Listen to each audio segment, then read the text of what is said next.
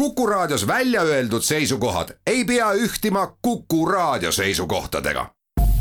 Te kuulate Kuku Raadiot.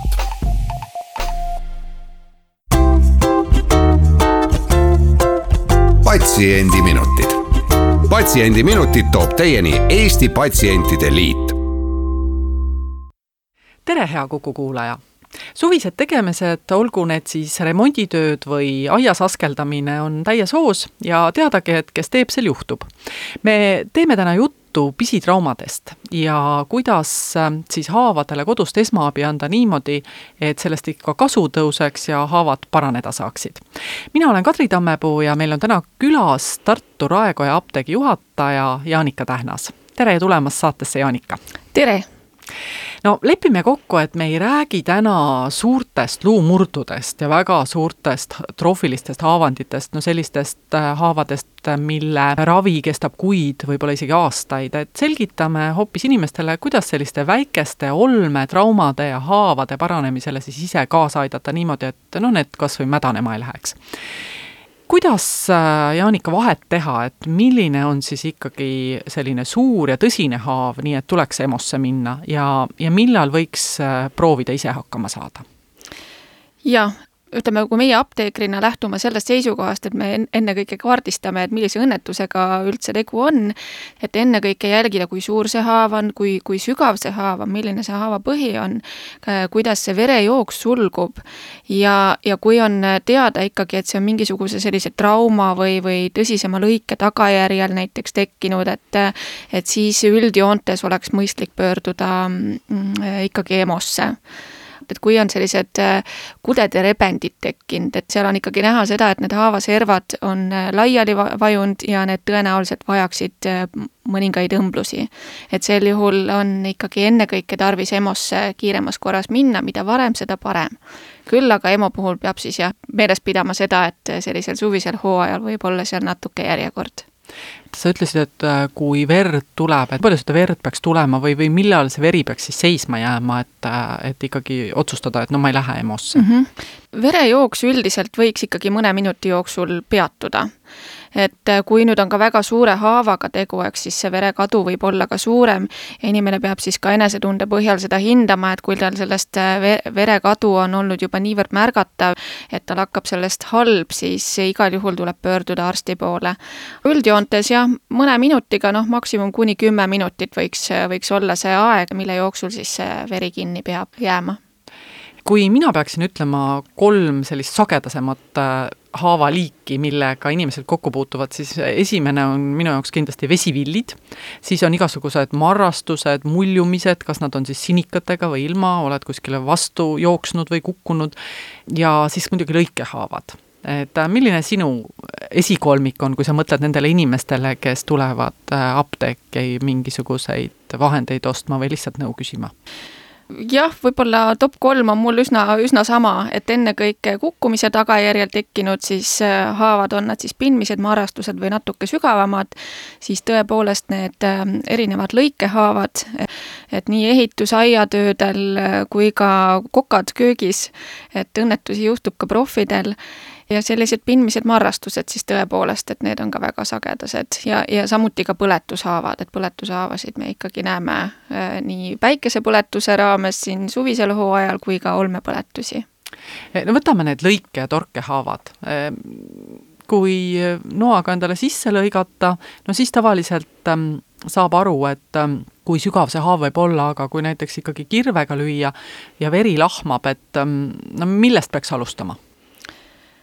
Äh, noh, ennekõike jah, tahaks loota, et see kirvega löögi tagajärg ei ole, ei ole selline, kus, kus võib-olla noh, ka kaotatakse mingi osa kehast, aga üldjoontes äh, kindlasti on verejooksu peatamine esmatähtis ja, ja siis äh, ka haava puhastus või haava loputus pigem voolava vee alla, külma kraani vee alla panna, kui kraani parasjagu käepärast ei ole, võib-olla on olemas äh, gaseerimata veepudel, et sellega püüda ära loputada siis haava nii palju kui võimalik ja suruda siis need haava mm, kokku, et tõkestada verejooksu. Väga tihti on kuulda seda, et, et haava peab äh, ikkagi hoidma kuivana, haava ei, ei tohiks teha veega märjaks, et noh, sina ütled, et peaks veega loputama jaa, see on tänapäeval müüt, mis võib-olla pärineb veel kindlasti eelmisest sajandist, aga on tegelikult ammu teada, et haav paraneb niiskes keskkonnas märgatavalt paremini ja samamoodi see niiske keskkond hoiab ära ka sellise üleliigse armkoe tekke. nii et äh, kindlasti ei soovita järgida seda, et äh, hoiame haava õhu käes, et ta seal paraneks kuidagimoodi kiiremini, et no teine selline huvitav võib-olla vanast ajast kaasa tulnud äh, haavaravi võte on või haava puhastamise võte on, et võtame vesinikülihapendi või ehk siis selle vesinikperoksiidi lahuse ja valame seda korralikult haavale, siis haav saab puhtaks selle meetodi nii-öelda tõkestamisega tegeleme me apteegis ka igapäevaselt, et äh, tihtipeale inimesed tulevad väga teadlikult vesinikperoksiidi ostma ja, ja meie esimene küsimus on alati, et mis otstarbel. ega me tänapäeval väga seda ise ei soovita, võib-olla kui tõesti ei ole käepärast mitte midagi ja, ja see haavapõhi on, on äh, mustust täis, inimesed on harjunud seda vesinikperoksiidi kasutama, sest ta hakkab siis reageerima seal haavapõhjas selle mustusega, hakkab mullitama ja justkui jääb mulje, et, et sellega saab nagu väga hästi puhtaks selle haava.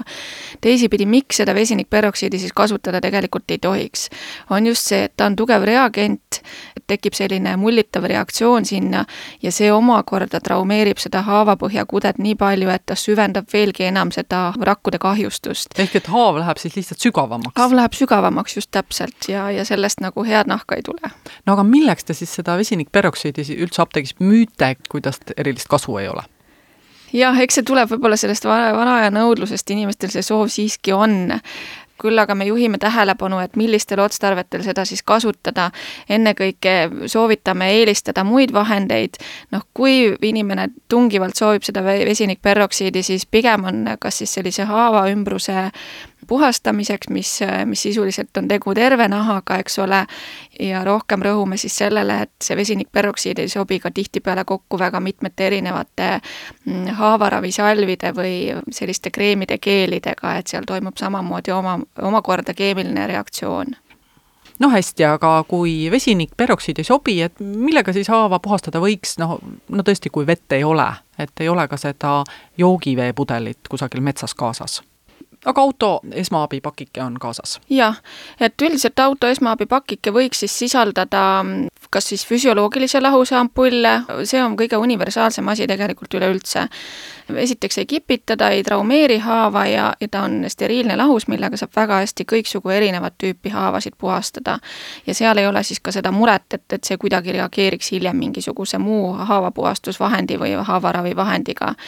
nüüd äh, on olemas ka sellised erinevad desinfitseerivad Äh, lapikesed seal ähm, auto esmaabikomplektis, küll aga need desinfitseerivad lapid sisaldavad äh, kanget ähm, alkoholi, ehk ta on siis spiirituse baasil ja, ja selle puhul võib samamoodi olla nüüd see, et, et ta sobib ainult pindmiste haavade desinfitseerimiseks. küll aga siis äh, soovitame me ikkagi mõelda selle peale juba ette, et oleks kas siis koduses apteegis või siis näiteks reisile minnes kaasas mõni selline universaalne haavapuhastusvahend, et on ta siis selline antiseptiline lahus, mis ei kipita, sobib ta siis pigem rohkem selliste väiksemate, kas lõike või, või pindmiste haavade puhastuseks, või siis teine variant, et, et tõesti kandagi füsi-, füsioloogilise lahuse ampulle, et need, need väiksed kogused ei võta ka ruumi. kellel on siis aga tekkinud juba sügavamad või troofilisemad haavandid, et selle jaoks on ka siis spetsiaalne vahend, millega loputada hästi, aga läheme siit korraks väikesele pausile, mõne minuti pärast oleme tagasi, nii et jääge kuuldele patsiendiminutid. Patsiendiminutid toob teieni Eesti Patsientide Liit stuudios on Tartu Raekoja apteegi proviisor Jaanika Tähnas ja Kadri Tammepuu. me räägime täna pisikeste haavade esmaabist ja saime enam-vähem selgeks selle, et et vesinikperoksiidi ei maksa kasutada haavade puhastamiseks, sest see lihtsalt teeb selle haava veel suuremaks, kui ta algselt oli. ütleme, et äh, haav on puhas, mis siis edasi saab, et äh, sa ütlesid, et äh, haav võiks olla kaetud, niiskes keskkonnas paraneb haav paremini. no minul tuleb meelde, lapsepõlvest püüti ikkagi panna lastele peale briljantrohelist. mis sa sellest arvad? Äh, jaa, briljantrohelist samamoodi tänapäeval ei soovitata kasutada. ta on küll äh, heade antibakteriaalsete omadustega, kuid äh, teisest küljest nii nagu vesinikperoksiid, nii ka briljantroheline on kudesid traumeeriv. briljantrohelist siis samamoodi pigem kasutatakse haavaümbruse peitsimiseks, et hoida siis seda põletikureaktsiooni edasist levikut seal haavaümbruse nahal, küll aga kindlasti ei tohiks sellega siis peitsima hakata erinevaid haavasid briljantroheline tekitab üsna kiirelt kooriku haava peale ja seal kooriku all ei toimu enam nii efektiivselt see haava paranemine, vaid pigem just selline põletikureaktsiooni oht no see ongi see, mida inimesed ka tihti kardavad, et nad kardavad, et haav läheb mädanema. ja üks vana ravivõte oli ka see, et kindlasti tuleb äh, haavale panna peale antibiootikumi salvi või kunagi oli streptotsiidpulber, seda nüüd enam vist apteegis ei müüda. seda jah, vabamüügis ei ole, et kui kellelgi on tungiv soov, siis, siis retsepti alusel on teda võimalik osta, aga jah, niisama mitte aga kas siis peaks panema noh, tavalisele värskele haavale igaks juhuks ka mingisugust antibiootikumi või ka mingit hormoonsalvi? Ei, kindlasti mitte, sest antibiootikumid on äh, mõeldud ikkagi äh, sellisele vanemale haavale, mis kuidagi ei taha mingil põhjusel paraneda. ennekõike tuleb ikkagi lähtuda sellest, et, et haava tuleb hoolikalt puhastada ja meie keha on ise võimeline väga hästi oma kudesid taastama. et kui on piisav antiseptiline haavapuhastus ja haavahooldus, siis, siis kindlasti antibiootikum ei ole esmavalik, samamoodi ükski hormoon aga mille järgi nüüd otsustada, et kuidas haava siis katta, et ähm, millega seda teha, noh, millal teda siduda, millal piisab plaastrist ja siis millisest plaastrist?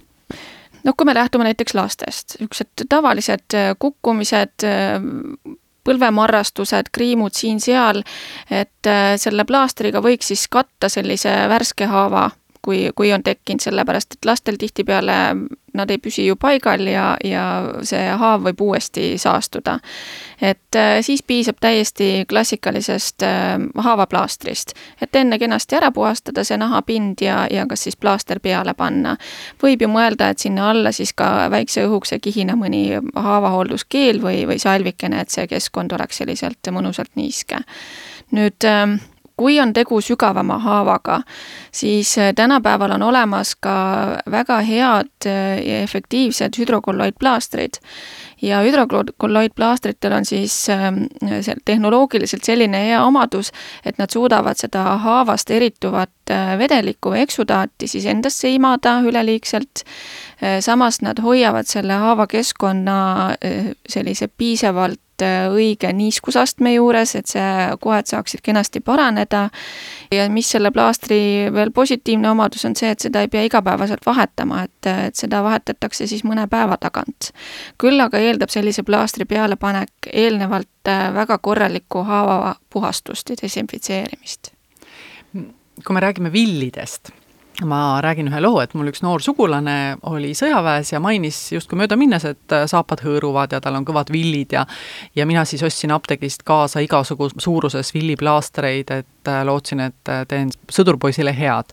Aga tema suhtus villiplaastritesse üsna leigelt ja ütles, et äh, nemad seal panevad niidi nõela taha, tõmbavad selle villi vesisest osast läbi ja jätavad niidi sisse, vedelik voolab välja, valu kaob ära ja no ütleme, et see alusnahk siis äh, sarvestub nii, et äh, ei ole mitte mingisugust äh, erilist plaastrit vaja, noh kui on, siis paned äh, mingi tavalise plaastri peale mis sa sellest arvad, et kas ville saab niimoodi ravida või, või millal neid niimoodi ravida ikkagi hästi ei saa?